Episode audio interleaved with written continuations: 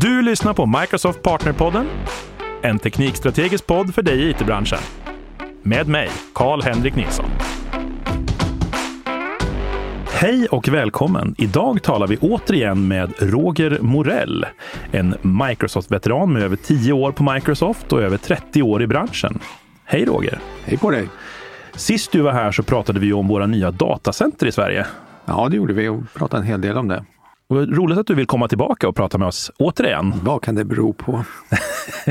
jo, idag ska vi ju prata om Azure Arc, den här nya fantastiska tekniken för att administrera servrar var som helst och hela överallt. Ja, det är väl egentligen Azure Arc är en del i det som vi, det som molnet blev. Moln har så att säga kallat för hybrid och inte bara vi utan många. Men eh, hybrid har ju varit klistrats på en väldigt massa saker och fortsätter väl att klistras på en massa, väldigt massa saker. Men hybrid ur det här perspektivet är ju mer då att vi behöver även framledes i ganska stor skala eh, processa och lagra data på andra ställen i våra fantastiska skinande hyperscale datacenter. Eh, till exempel i en kunds datahall, i en partners datahall, men även i ett sjukhus, i en fabrik, etc. etc. etc. Det vill säga man behöver ta processning och, en viss typ av processning och data måste ligga kvar nära verksamheten så att säga. Och hur passar Azure Arc in i det då? Ja, precis.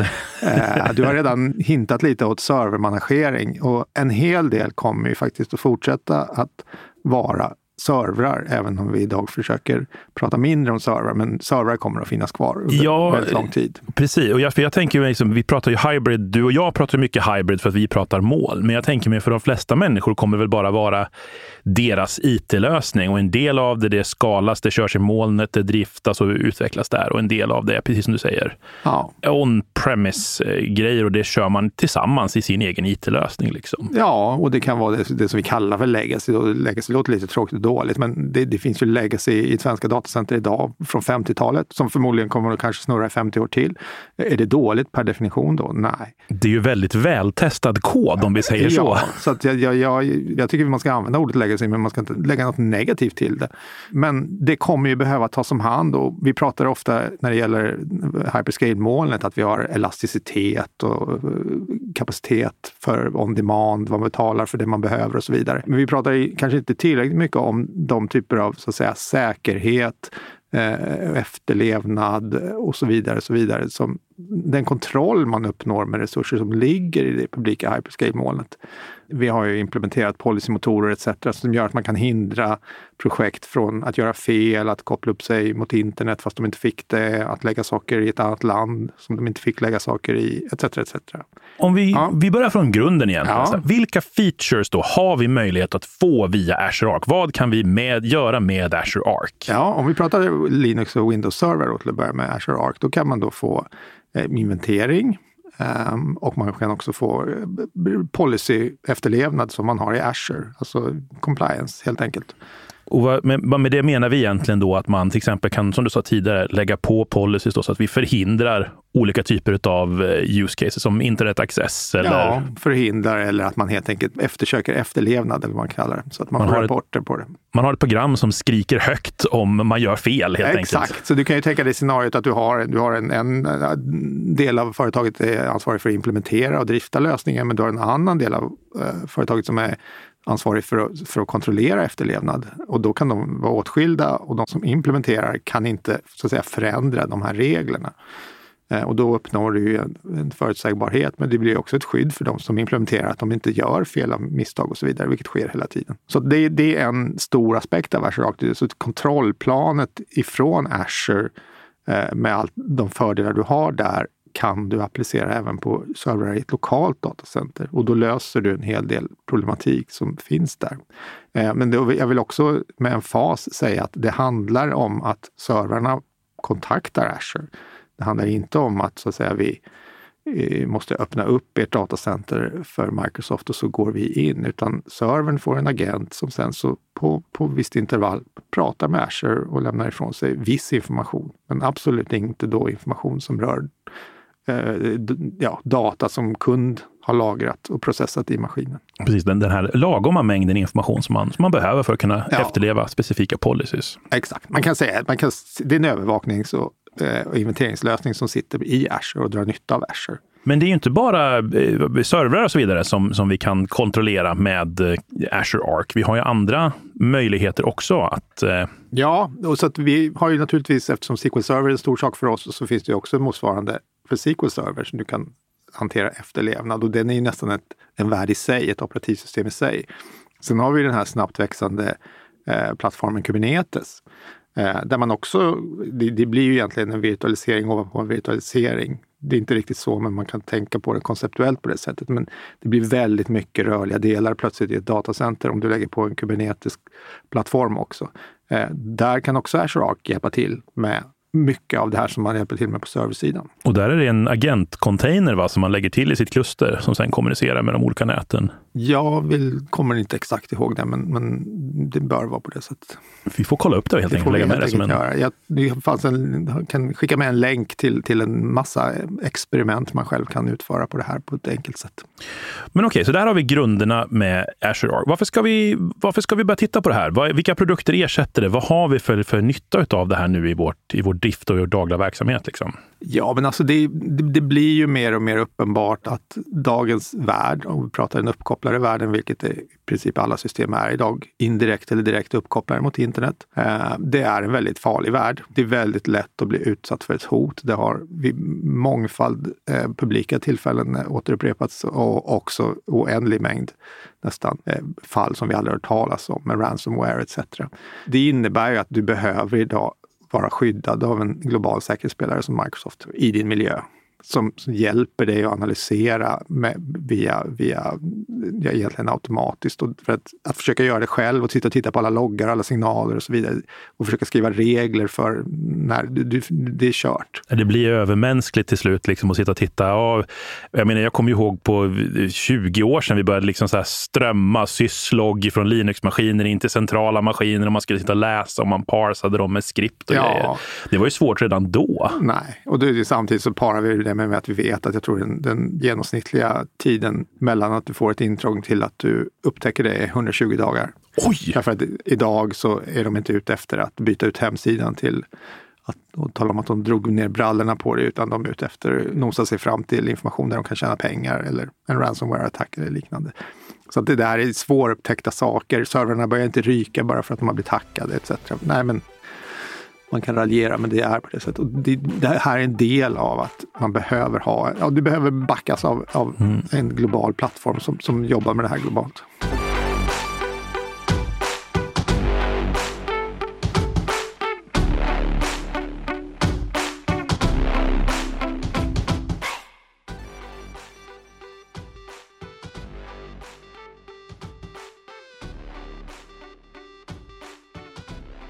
För mig känns det också lite grann som om jag tänk, försöker sätta mig in i situationen att vara både ops-person för ett, en hybridmiljö, så att säga, en on-prem-miljö och en Azure-miljö. Det känns, som, det känns ganska skönt att få samma upplevelse av, av alla mina maskiner. Att liksom kunna samla allting och titta på det på samma sätt. Ja. Låter jo. som att jag gör reklam här, men, men, men jag, jag tänker verkligen så. Liksom. Vad kan det vara? Vad jobbar du för någonstans? Nej, men så, så är det naturligtvis. Och du och jag pratade lite om det här innan, att, att har du ingenting i Azure eh, av någon anledning eller i publika målet, då kommer du antagligen inte att bry dig om det här. Men låt oss säga att du har 50% i Azure eller mer och 50% on-prem. Då har du en substantiell mängd servrar i Azure. Och det fina med Azure Arc är att när du lägger till de, dina servrar som är on-premises eller var de nu står, då syns de i Azure bredvid dina vanliga servrar och du kan organisera dem på samma sätt som du kan med dina Azure-servrar. Eh, du kan göra ja, accesskontroll kring vissa saker. Naturligtvis ersätter vi inte Kerberos eh, och det vanliga AD på något automatiskt sätt. Det finns ju fortfarande, men du kan använda taggar etc. Mycket av det som finns i Azure-plattformen kan du använda för dina on-premises-servrar och det kostar ingenting. Det som kostar extra sen, det är om du börjar lägga på säkerhetsfunktionalitet. Så att säga. Men det är fortfarande en ganska attraktiv prisbild per maskin, skulle jag säga, om man drar nytta av det här. Men intressant bara, jag tänker så här, just taggningsdelen, det har vi pratat tidigare om, hur viktigt det är för att man ska kunna ha koll på grejer. Ja. Det är faktiskt väldigt, väldigt trevligt då att kunna just tagga upp sina resurser, ha, ha, ha överblick på dem, men även då få ut de här rapporterna. Och, och jag misstänker i alla fall att jag skulle tycka att det var ganska trevligt i, om jag skulle tänka på ett säljscenario, att försöka, försöka sälja mina produkter och faktiskt kunna gå in och visa. Men titta, så här skyddar jag din miljö. Här har jag min certifiering. Här är de saker jag ska uppnå för att du ska ha din säkerhetscertifiering. Och så här uppfyller vi den på alla, alla existerande maskiner i er lösning. Ja, och det, så över tid, vi, alltså det har ju redan kommit väldigt långt, men vi skämmer ju bort i och med att Azure-plattformen har och får hela tiden förbättrat stöd för exempelvis eh, compliance, alltså regelefterlevnad, olika standarder som man inte bara gör ett omtag var tredje år eller något sånt där, så gör man en ISO 27001 genomgång. Utan här mäter vi det kontinuerligt och får rapporter kontinuerligt när man behöver det. Samma sak kan du få på din egen interna miljö. Och det är naturligtvis så att du kan gå ut och köpa något verktyg som kostar ganska mycket. Men lägger du till dina servrar i Azure Arc så får du in dem på samma ställe. Som, de blir rapporterade på samma sätt som servrarna i Azure. Och över tid kommer exempelvis compliance-avdelningar att vänja sig vid den här rapporteringen som de får från Azure och frågar dig, ja men de här andra servrarna då, vi vill ha samma sak. Och då blir det här ett väldigt lätt sätt att genomföra det. Kan man även skjuta på saker på sin on-premise-miljö från det här? Kan jag alltså lägga på eh, specifika uppdateringar och göra sådana här saker? Eller kräver jag fortfarande en separat lösning för det? Nej, men det finns update management i Azure som du kan haka på här, absolut. Den, den naturliga följdfrågan är väl för de som hanterar sina servrar med S-System Center, som numera heter MECM eller något sånt där, tror jag den är omdöpt i alla fall. Den klassiska endpoint-lösningen. Eh, Skommen som jag kommer ihåg alla sa. När ja, men det var för övervakning. Det. Ja, just det. Det, det är en anannan sak. Um, Configuration Manager kan vi säga i dagligt tal, den moderna varianten av det. Så den är, har väl alltid varit en, en, en klientmanageringsprogramvara, men jag vet att många använder den för server också. Vi är ju inte riktigt där vad det gäller deployment av operativsystem och uppdatering, men, men för vanlig update management så absolut. Spännande. Mm. Men sen är det inte allt. Nu ska vi komplicera saker och ting. Det Azure Arc också gör i en viss utsträckning, det är möjligheten att, om man får säga, trycka ner Azure-tjänster på ett Kubernetes-kluster och konfigurera och köra dem där. Och vi har börjat med någonting som heter Azure Data Services. Så har du ett Kubernetes-kluster, då har du ganska, det är, det är en ganska bra abstraktionsplatta. Det är det det är tänkt för. Build once, run everywhere-idén. Eh, mm. det, det, är ju svårare om alla har sina egna servrar och så ska vi ska deploya någonting på en server, för det är så många variabler. Men ett Kubernetes-kluster har vi kontroll över mycket mer. Och då har vi då tagit fram Azure Data Services for Arc som gör att du kan trycka ner antingen ett SQL eller ett Postgres tror jag det är. Mm, Postgres finns det. Data, ja, är. Och också, det finns också, jag tror att vi har i Preview Machine Learnings eh, moduler som man kan trycka ner. Och det är en väldigt spännande fortsättning framåt, för det innebär att du får molnteknologi på ditt traditionella, eh, om än Kubernetes, men ditt traditionella miljö utanför det vanliga Azure intressant.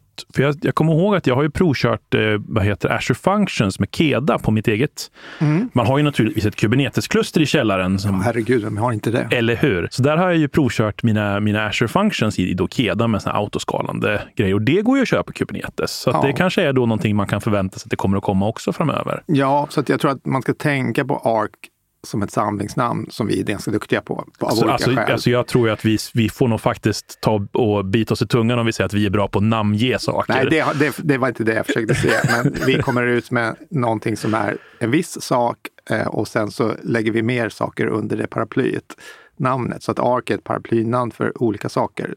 Men man kan se det som ett kontrollplan som finns i Azure som är till för den hybrida miljön.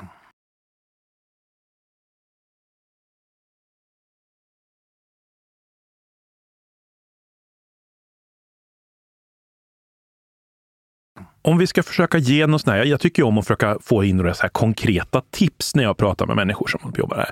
När ska jag börja tänka på Azure Arc som en naturlig del i min arkitektur? Ja, det är om du har servrar. Om, ja, det... Då tycker jag att det, det, om du är ansvarig för infrastruktur, arkitektur och eh, efterlevnad etc. etc. av en serverpark så ska du absolut tänka på Azure Arc. Speciellt eh, om du då har redan ansvar över en hybridmiljö eller vet att du kommer att få, vilket väldigt många infrastrukturarkitekter nog, om de inte redan är där så kommer de dit fort. Då är det här en absolut sak att prova till att börja med se vad det ger, men också tänka om vi inte använder det här, men vi behöver ha samma information, vad ska vi göra då? För att du får ganska mycket väldigt fort ur Azure Arc som du förmodligen kanske inte har riktigt lika heltäckande innan. Precis, för det ska vi vara ganska tydliga med att säga också att vi, både du och jag möter väl i jobbet då och då eh, organisationer som kanske har har haft alltså, som säger, uppdelade miljöer och så där. Det är kanske en eller två miljöer har fallit lite i i glömska? Ja, ja, i glömska, men åtminstone att de, att de kanske inte har fått exakt alla de, de saker de hade behövt få, så att säga. Nej, exakt. Nej, men det är ju de, alltså alla har väl något verktyg, någon form av hålla koll på patch management till exempel. Men, men här samlar vi in det på ett ställe och det är i Azure också. Så det blir också kanske en, om man nu har kanske personal eller människor som tycker att det är lite läskigt fortfarande. Jag har ju gjort hela molnresan från att jag inte förstod någonting av det och tyckte att allting var konstigt till nu när man är tvärsom nästan. Så att jag har full respekt för det. Men här är ju ett sätt att börja jobba med sina egna on-premises-miljöer, men i Azure-konsolen med Azure-verktyg och så vidare. Och därmed så är det väldigt lätt steg över till att de också faktiskt jobbar med Azure-servrar, vilket ju naturligtvis är ett behov. Man förstärker sitt CV lite grann. Ja, så kan man väl se det. Eller man, man, man får en roligare arbetsdag. Ja, alltså, och jag, har sen, jag tänker också det. Jag möter ju en hel del människor som, eh, som, som tycker att det är lite jobbigt med förändring och men vad kommer hända med min tjänst och så vidare. Men jag har faktiskt än så länge inte upp, upplevt att att det har blivit mindre arbete av de här sakerna. Nej. Det brukar snarare bli att man kan expandera för att man har mer resurser och så vidare. Ja, så är det ju faktiskt. Eh, det, det ser vi inga tecken på att det avmattas.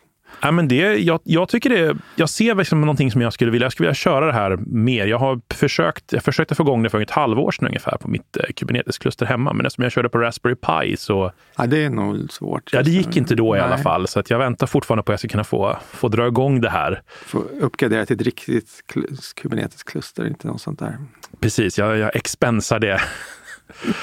Vi får se vad det kan bli av det. Ja. Men jag har faktiskt en. Jag har, en, en jag har ju ett, ett par servrar hemma också, så att eh, så vi ska nog de kör i alla fall Azure Monitor Agent, så att det är dags att uppgradera dem kanske till, till Azure Arc. Ja, jag tycker att man ska prova det här faktiskt och se vad det ger. Ja. Eh, kan man koppla ihop det här med Sentinel? För det kör jag ju på de här. Ja, det kan man ju såklart. Så man kan få sina, sina avancerade säkerhetsanalysregler liksom körandes på? Ja, det ska det gå det ser jag fram emot att testa. Det finns en, jag vet inte om vi kommer lägga ut en länk också, men det finns en uppsjö med olika typer av um, scenarion som vi, som vi har gjort redo som man kan prova här. Om vi, om vi ska avsluta med lite grann så här, vad man lär sig med. Om man nu har kommit fram till att fan, det här låter som någonting jag behöver. Vart går man enklast för att, för att lära sig? Om vi, om vi skippar det självklara svaret Azure Docs. Har vi någon eh, vad heter det, LinkedIn Learning tutorial eller har vi något vettigt material det där? Vågar jag faktiskt inte svara på, men, men det är ja, ja, det, det självklara svaret är väl det självklara svaret. Tycker jag.